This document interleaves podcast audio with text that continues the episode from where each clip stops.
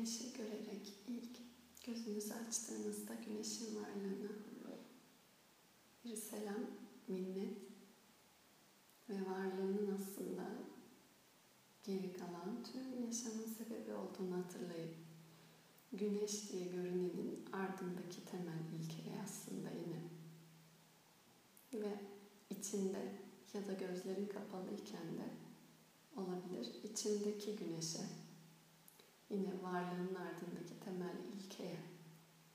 Seslenerek başlamak. Gayatri Mantra'nın söylediği.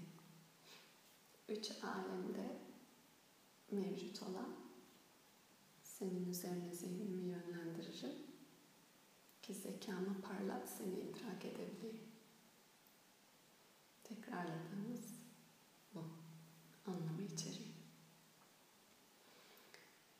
Ee, daha da şu an yine buluşmamız kıyasla gün doğumuna daha geç.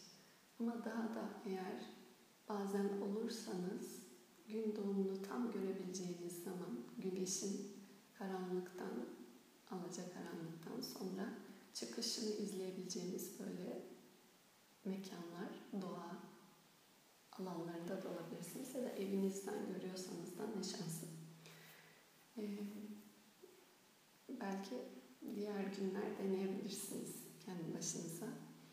O doğuşu tek başına izlemek bile gerçekten geri kalan 23 saat için çok büyük, çok kıymetli bir hem enerjisel maruz kalış, çok özel titreşimleriyle gün doğumu hem de bu idrakla günü açmak için de. Elbette şu an yaptığımızda aynı idrakla günü açmak oluyor. Hatırlama sadhananın hedefi. Hatırlama. Meditasyon daha önce konuştuğumuz dikkat, dikkat, dikkat. Meditasyonun hedefi. Bir şeyi ne kadar çok hatırlatırsanız kendinize, ne kadar çok o şeye dikkat ederseniz, o şey gözünüzün önünde, burnunuzun ucunda ya da meditasyondaki nesne gibi daima her zaman durabilir. Hiçbir yere gitmez. Her ne olursa olsun. Ve bu içeride daha uzun vadeli bir e, sabitlik veya denge o zaman yaratmaya başlıyor. Bu nedenle sadhananın uzun süreliği veya adanmışlığı ve istikrar yine düzenliliği e, sizin içerideki her durum koşul ne olursa olsun bir denge halini daima koruyor olmanız demek. Bu birçok insanın aradığı şey zaten. Bunun adı huzur, bunun adı iç barış veya bir mutluluk hali neyse ama içinizdeki o dengeyi hiçbir şey sarsamaz. Eğer bu pratik zaten derinleşmişse deneyimlemeye başlar çoğu insan. Ve her ne olursa olsun burası önemli. Çünkü her şey her an değişime mahkum. Maddenin niteliği bu. Maddenin doğası bu. Bugün asana pratiği yapabilirsin ama 10 yıl sonra yapamayabilirsin. Ya da 5 yıl sonra bir fiziksel e, engel çıkabilir. Ayağını burkabilirsin vesaire ya da başka bir şey. E, hiçbir şeyin garantisi yok. Ama eğer öyleyken bile o yaptığın nesnel çalışmaya nesnellik vermeden içsel yine de sadana her koşulda devam edebilir. Hiçbir şeyin statik, dolayısıyla sadana eşittir budur diye tanımı da yok. Dolayısıyla kötürüm bir insanın da yapabileceği sadanayla asana pratiği yapan bir insanın sadana kıyaslanamaz dışsal bakışla. Ve ikisi de daha içlerinde derinliğe, kendi e, niyet, istikrar ve odaklılığa bağlı ulaşabilir. Bu anlamda aslında yine tekrar ne kadar önemli bir kavram olduğunu hatırlatmak istiyorum. Emek ve çaba. Ve şu anda da zaten her birimizin de yaptığı bu uyanmayla. Ee, ve bu kendi kendinle için kendi kendin ki nesneden bağımsız içeride o sabitlik aramaksa tam da o zaman kendi kendinle kalarak aranmalı. Dolayısıyla kendi kendine kalmaktan zaten doğan bir keyif ortaya başlar. Kendiyle iyi arkadaşlık yapabilenler başkalarıyla da iyi arkadaşlık yapabilir denir. Kendi kendine oturduğunda eğer sıkıntı, e, iç sıkıntısı ya da diyelim her neyse o zaman bu kötü bir arkadaşlık kendi kendine yaptığın, kendinin kendine yaptığı kötü bir arkadaşlık. Daha temelde dolayısıyla burası eğer sağlam olmazsa dışarıya nasıl yansıma sunsun? Bu yüzden de o Bhagavad Gita örneğinde en azından ilk 21 gün erdemlerde bir tane vardı Erdem. Diyordu ki başkalarının eşliğini daima sürekli aramamak. Erdem böyleydi hatırlıyorsanız. Sürekli yanında eşlik eden birisi aramamak. Yalnız kalma durumundan korkmamak veya kaçmamak da diyebilirsiniz ama bu geldiğinde hemen telefona sarılmak ya da bir dışarıya atıp kendine bir şey yapmak. Bu kendi kendine kalmanın kaçışı zaten kendi içinde aslında e, o dengenin olmadığının bir nevi ifadesi dolayısıyla. Sadhana bunu, bunun için en azından da bir adım ve dönüşüm. Şimdiye kadar e, erdemler hep odamızda oldu. Yoga Sutralar üzerinde de konuştuğumuz şimdiye kadar dört yama Bhagavad Gita üzerinden. Niçin? Çünkü herhangi bir e, yolda bir şey akacaksa diyelim ki su, suyun akması için yapılabilecek tek şey oradaki engeli ortadan kaldırmaktır. Su kendisi zaten akar. Akma onun doğasındaysa diye konuşmuştuk. Yoga Sutra'da da sonra var böyle bir e, ifade. Yani hatta şöyle ifade, kişinin üzerine düşen sorumluluk nasıl ki tarlada suyun akmasını istiyorsanız sadece elinizle ona böyle rahat akması için yol açarsınız. Su kendisi aşağıya doğru sonra akar. Yoga Sutra örneği bu Patanjali Usta'nın. Benzer şekilde siz de zihinsel alanınız içinde sadece gerçeğin, hakikatin veya huzurun, mutluluğun adına ne demek istiyorsanız onun akması gelmesi için yol açmanız lazım. Alan yaratmanız lazım. Ki bu sadhana. Yol açmak, alan yaratmak. Ve bu sadhananın bir tanesi de belli erdemler. Onlar da çok güçlü yol açıcılar. On, yani kapını açıp e, yolunu temiz tutarsan anca o zaman ne gidecekse gider. Ahimsa Satya Steya Brahmacharya şimdiye kadar konuştuğumuz ve Bhagavad Gita 21'erden de aynı şekilde çok güçlü yol açıcılar, engel kaldırıcılar ve kişinin iradesiyle yapabileceği başka bir şey yok. Hakikati getiremezsiniz. Tutup aha buldum diyemezsiniz. O çünkü zaten uzay örneğini hatırlarsanız mevcut. Gözünü sadece kiri varsa temizlemek üzerinize düşen.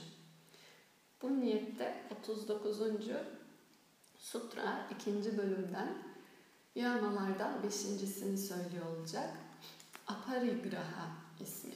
Aparigraha.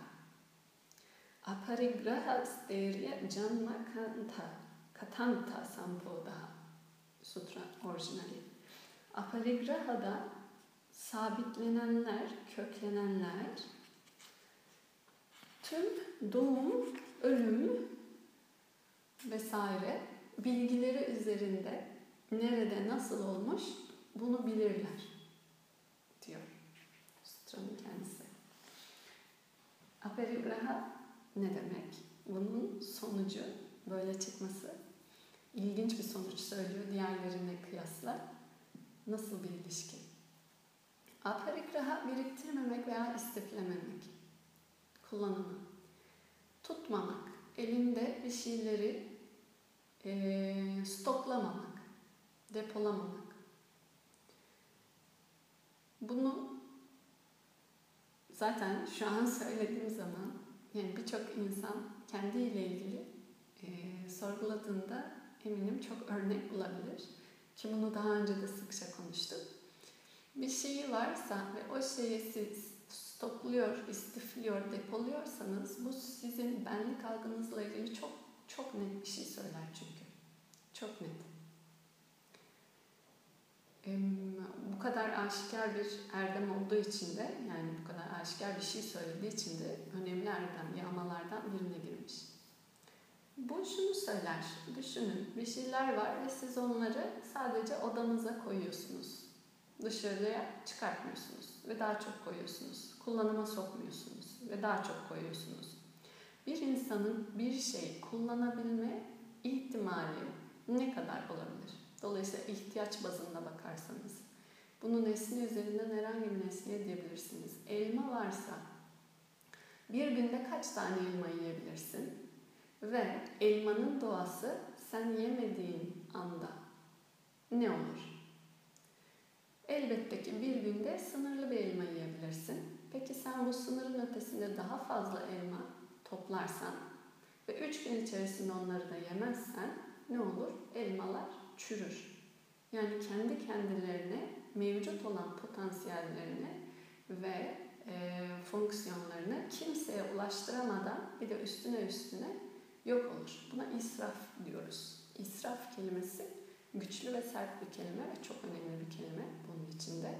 Çünkü nesnelerin var olan enerjileri veya potansiyelleri üzerinde sorumluluğun varken, söz sahibiyken onların bu potansiyelleri veya işlevlerinin ortaya çıkmasını engellemen demek. Elma birisini doyurabilecekken sen önüne geçerek sahibiyet kurarak başkasının kullanmasını bir engellemiş oluyorsun. Ee, ve bunun alt metnine bakarsanız da elbette ki yoğun ve çok ve sık bir ben, ben, ben, ben, ben cümlesi. Bu nedenle aparigra çok aşikar. Ne kadar çok biriktiriyorsa bir insan o kadar çok benliğini kısıtlı ve sınırlı tutuyor. O kadar bütün kainattan, alemden daha ayrılmış, kopmuş ve güvensiz hissediyor. Tek başına kendi e, istifi ve stoğuyla kendini koruyabileceğini sanıyor. Kendi iradesiyle sanki bunun mutlakta mümkün olduğunu sanmasa, yanılsaması. Ve üstüne üstlük bir de nesnelerin ya da dediğimiz gibi bu şeylerin e, işlevleri fonksiyonları üzerinde dağıtıma girmesine de engel sunuyor. Çünkü prana her şeyin içerisinde mevcut olan diye konuştuğumuz daha önce de yaşam enerjisi dediğimiz şey ve prana pranaya, pranadan pranaya. Sadece böyle. E, tutamazsınız, durduramazsınız pranayı. Prana sadece akmak üzerine, can canla beslenir diye söz veya prana pranaya geçiş, akışkanlık üzerine. Nasıl? Ee, elektrik o yüzden hep sık verdiğimiz şey. Elektriği bir yerde depolarsanız bir şekilde birikir, birikir, birikir ama sonra bir şeye bağlı dönüşür. Tez, yani başka bir kinyetiğe dönüşür. O başka bir şeye dönüşür. O başka bir şeye dönüşür. Ve ne kadar kontrol dışında tutmaya çalışırsan da ne yapar? Tutamazsın eğer sınırların dahilinde onu yine kaldırabilecek ve dönüştürebilecek bir potansiyeli yoksa o mekanın diyelim ki elektriği bir yere hapsetmeye çalıştınız ama o, kaldıramayacak şekilde bir sigorta olsun ya da işte bir akü olsun. Yakar. Yani yine dönüşür. Bulunduğu yeri bu sefer yakar.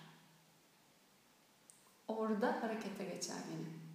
Dolayısıyla durdurmak bir şeyin yaşam üzerinde akan siz, bizden bağımsız bu soyut ilkenin e, mevcudiyeti üzerinde söz sahibi olduğunda özneler onlara geçici süre aslında iş. Neydi? Enerji. Böyle konuşmuştuk. Birim zamanda iş yapabilme yetisiydi. Fizik kuralı, fizik e, böyle tanımlıyordu. Dolayısıyla her şey bir enerji ise her şey birim zamanda bir iş yapmak üzere o zaman tezahüre gelmiş. Ve siz herhangi bir şey üzerinde söz sahibi olup onun üzerinde mülkiyet kurduğunuzda birim zamanda onu işe dönüştürün diye o zaman size geliyor. Yani bu sorumluluğu size veriyor özne olarak. Onunla eylem icra edebildiğiniz için. Eğer ki siz buna izin vermez iseniz bu durumda o sahip olduğu enerjiyi bulunduğu yeri çürüterek veya bulunduğu yeri bir nevi böyle kara delik gibi içine soğurarak enerjiyi işe dönüştürür. Bu da bir iş. Depoladığın elmaların dolapta çürümesi ve yanındakileri de çürütmesi sonunda koku bırakması. Bu, bütün bunlar sadece elma örneğinde değil, elbette ne kadar kişinin dışarıdan, evrenden kopuk olduğunu, kendini ayrıksız, sınırlı, kısıtlı sandığını, bu nedenle güvensizlik hissiyle kendini güvende kurmaya çalışması ve vayrak diye konuştuğumuz aslında tersi, nesneler üzerinden tutunması ve nesneler üzerinden ki gerçeklik algısı özneden gelirken dolayısıyla bunu görmeyi nesne üzerine gerçeklik vermesi bütün konuştuklarımızın x, x, x çarpı çarpı çarpı hepsinin düşmesi oluyor. Nerede görüyoruz? Her an her yerde. Dolabınıza stokladığınız, istiflediğiniz kıyafetlerinizde, ayakkabılığınızda 10, 20, 30 ayakkabı, ihtiyaçtan fazla stoklanan tüm nesnelerde. Bir gün belki kullanırım. Hangi gün? Ve o hangi güne kadar o şey kullanılmadığı sürece birilerinin de kullanma imkanını elinden çalmıyor muyuz 3 yıl boyunca hiç kullanmadığın duran bir şey. O 3 yıl boyunca birisine ama iş, enerji birim zamanda iş verebilirdi. Vermedi, engelledi. Ee, bunu dolayısıyla her şey için düşünebilirsiniz. İnsanların asana pranayama bu kadar yapmaya çalışıp içlerinde bir prana biriktirmek istemesi aparigrahı, aparigrahayı öğrenmediyse tehlikeli. Çünkü içinde biriktirmeye çalışacak, onu fonksiyona sokmayacak. Çünkü tutmaya meyilli ben dediği için aynı yaklaşımda ve bu mümkün değil. Mümkün olmadığı için de birçok çalışma nihayetinde böyle bakıldığında aslında faydadan ziyade zarar getirmiş oluyor. Eğer siz çok yoğun pranayama yapıyor ama sahip olduğunuz enerjiyi işe fonksiyona dökemiyorsanız bu enerji içeride sizi yakar. Aynı ayakkabıları biriktirmeniz gibi. O biriken ayakkabılar nasıl odanıza girdiğinde odanın enerjisini içeriye soğurtup böyle çökertiyorsa içeride biriken her şey, bankada biriken para fark etmez.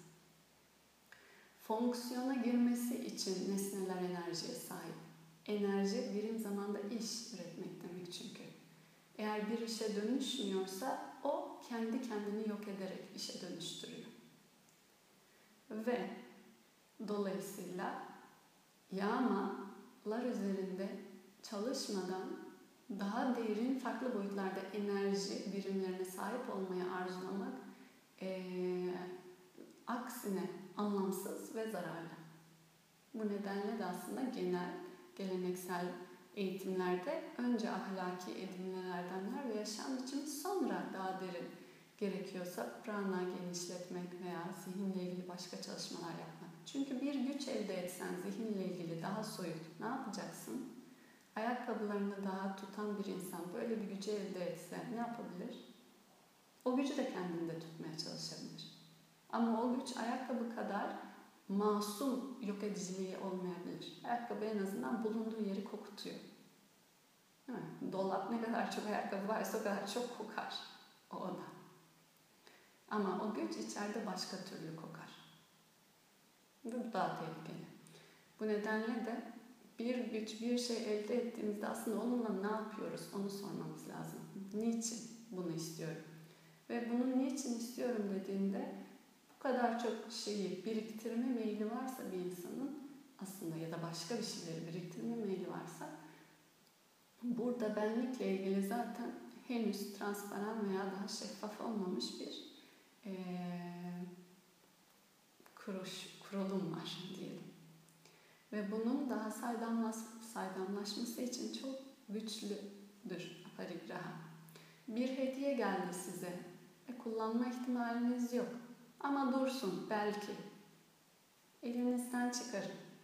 Ne kadar çok nesneleri elinizden çıkarırsanız mülkiyetten azadelik hissi gelir, asakte. Mülkiyeti daha kuvvetlendirip sertleştirir biriktirmek. Güvensizliği daha sertleştirir biriktirmek.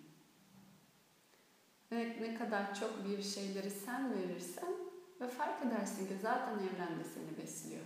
Bir şeyleri tutmana gerek yokmuş. Çünkü enerji geliyor, gidiyor, geliyor, gidiyor.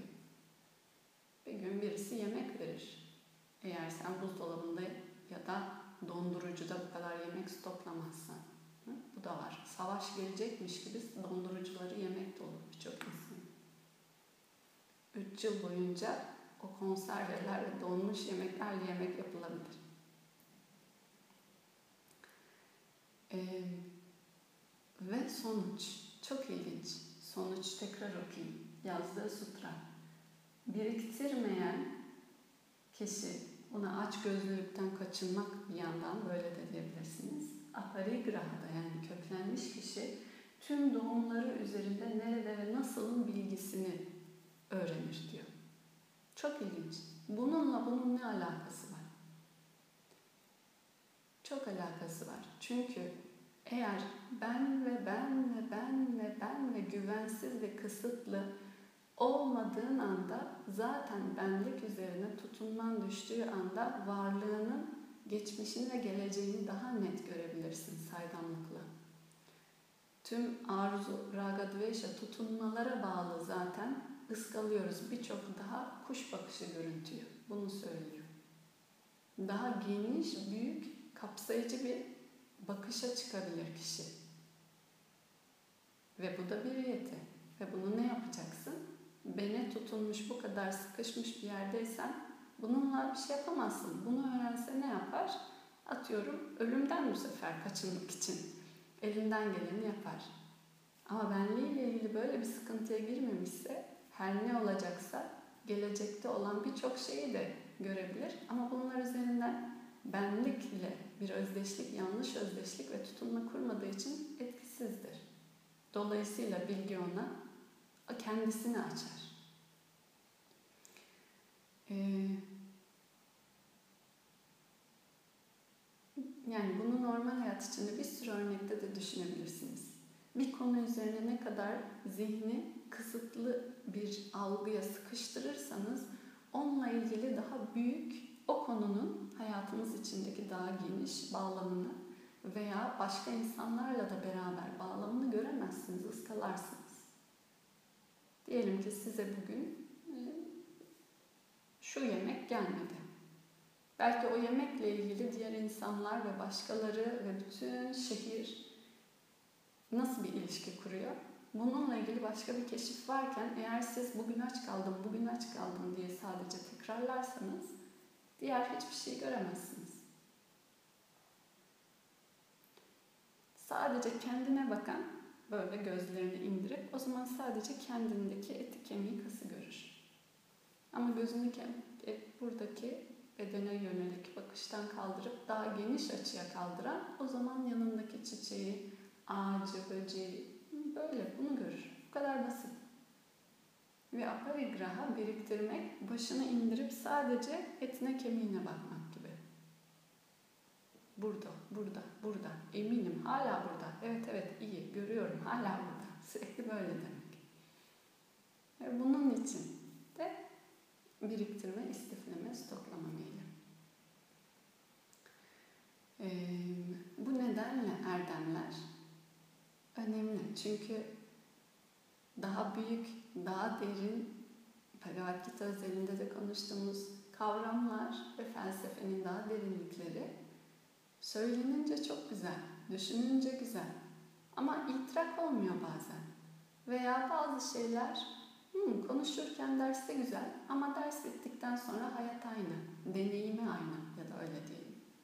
Ama felsefe ya da yoga, sadhana, pratik hayat dönüşsün diye var. Sadece o an için değil, bütünlüğünde hayat ve algısı dönüşsün diye.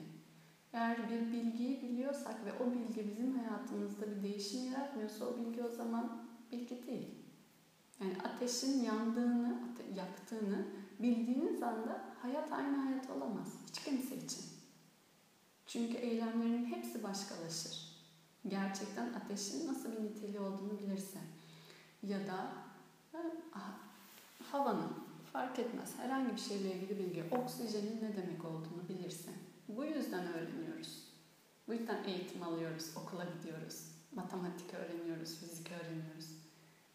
Bilgiye bağlı hayat. Çünkü eylemler değişiyor. Anlıyorsun dünyayı nasıl çalıştığını. Anlıyorsun bu mekanizmanın nasıl çalıştığını. Ve bu bilgi daha derin, bütün evrenin kendi içindeki bağlantısına dair daha daha daha daha soyutlaşan bir bilgi sunuyor. En azından yoga vaat ediyor.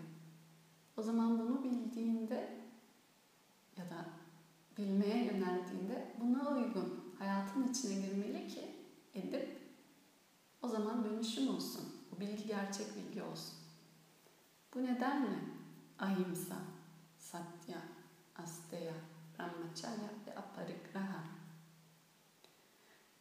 uygulanması için var. Konuşulması için değil aslında. Biz konuşuyoruz, uygulayalım diye. Ama konuşmak için değil bunlar.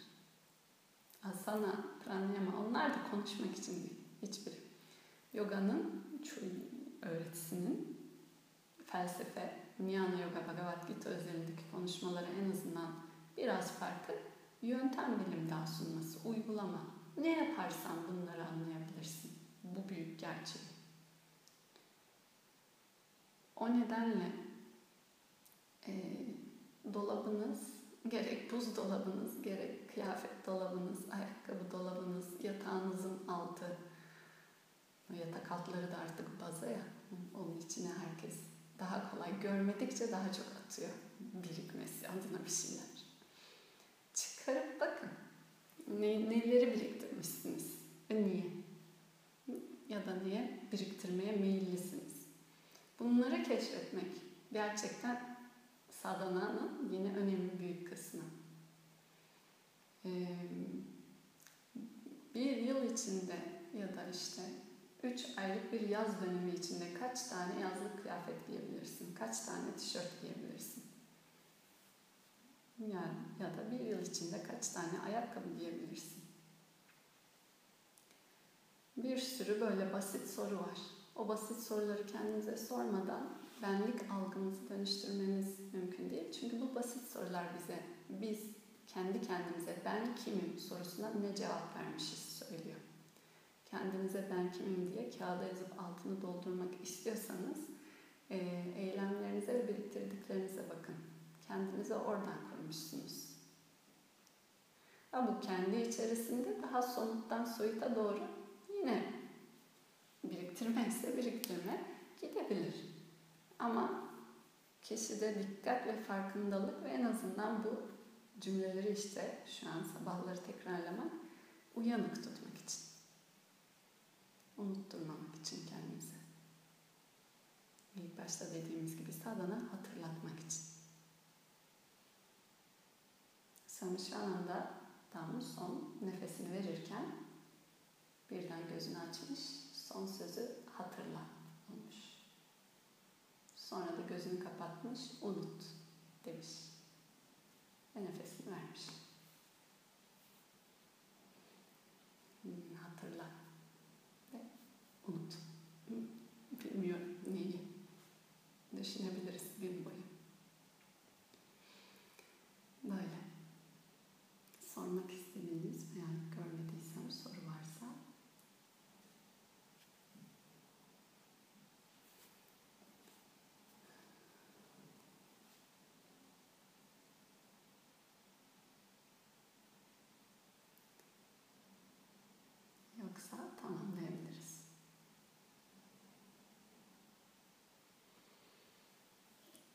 Sarvesham Sastir Pavatu yine huzur ve iyilik vadeden mantra. Herkes huzur, herkes iyilik, herkes huzur, herkes tamlık, herkes bolluk bereket, mangalam, refah, bolluk bereket.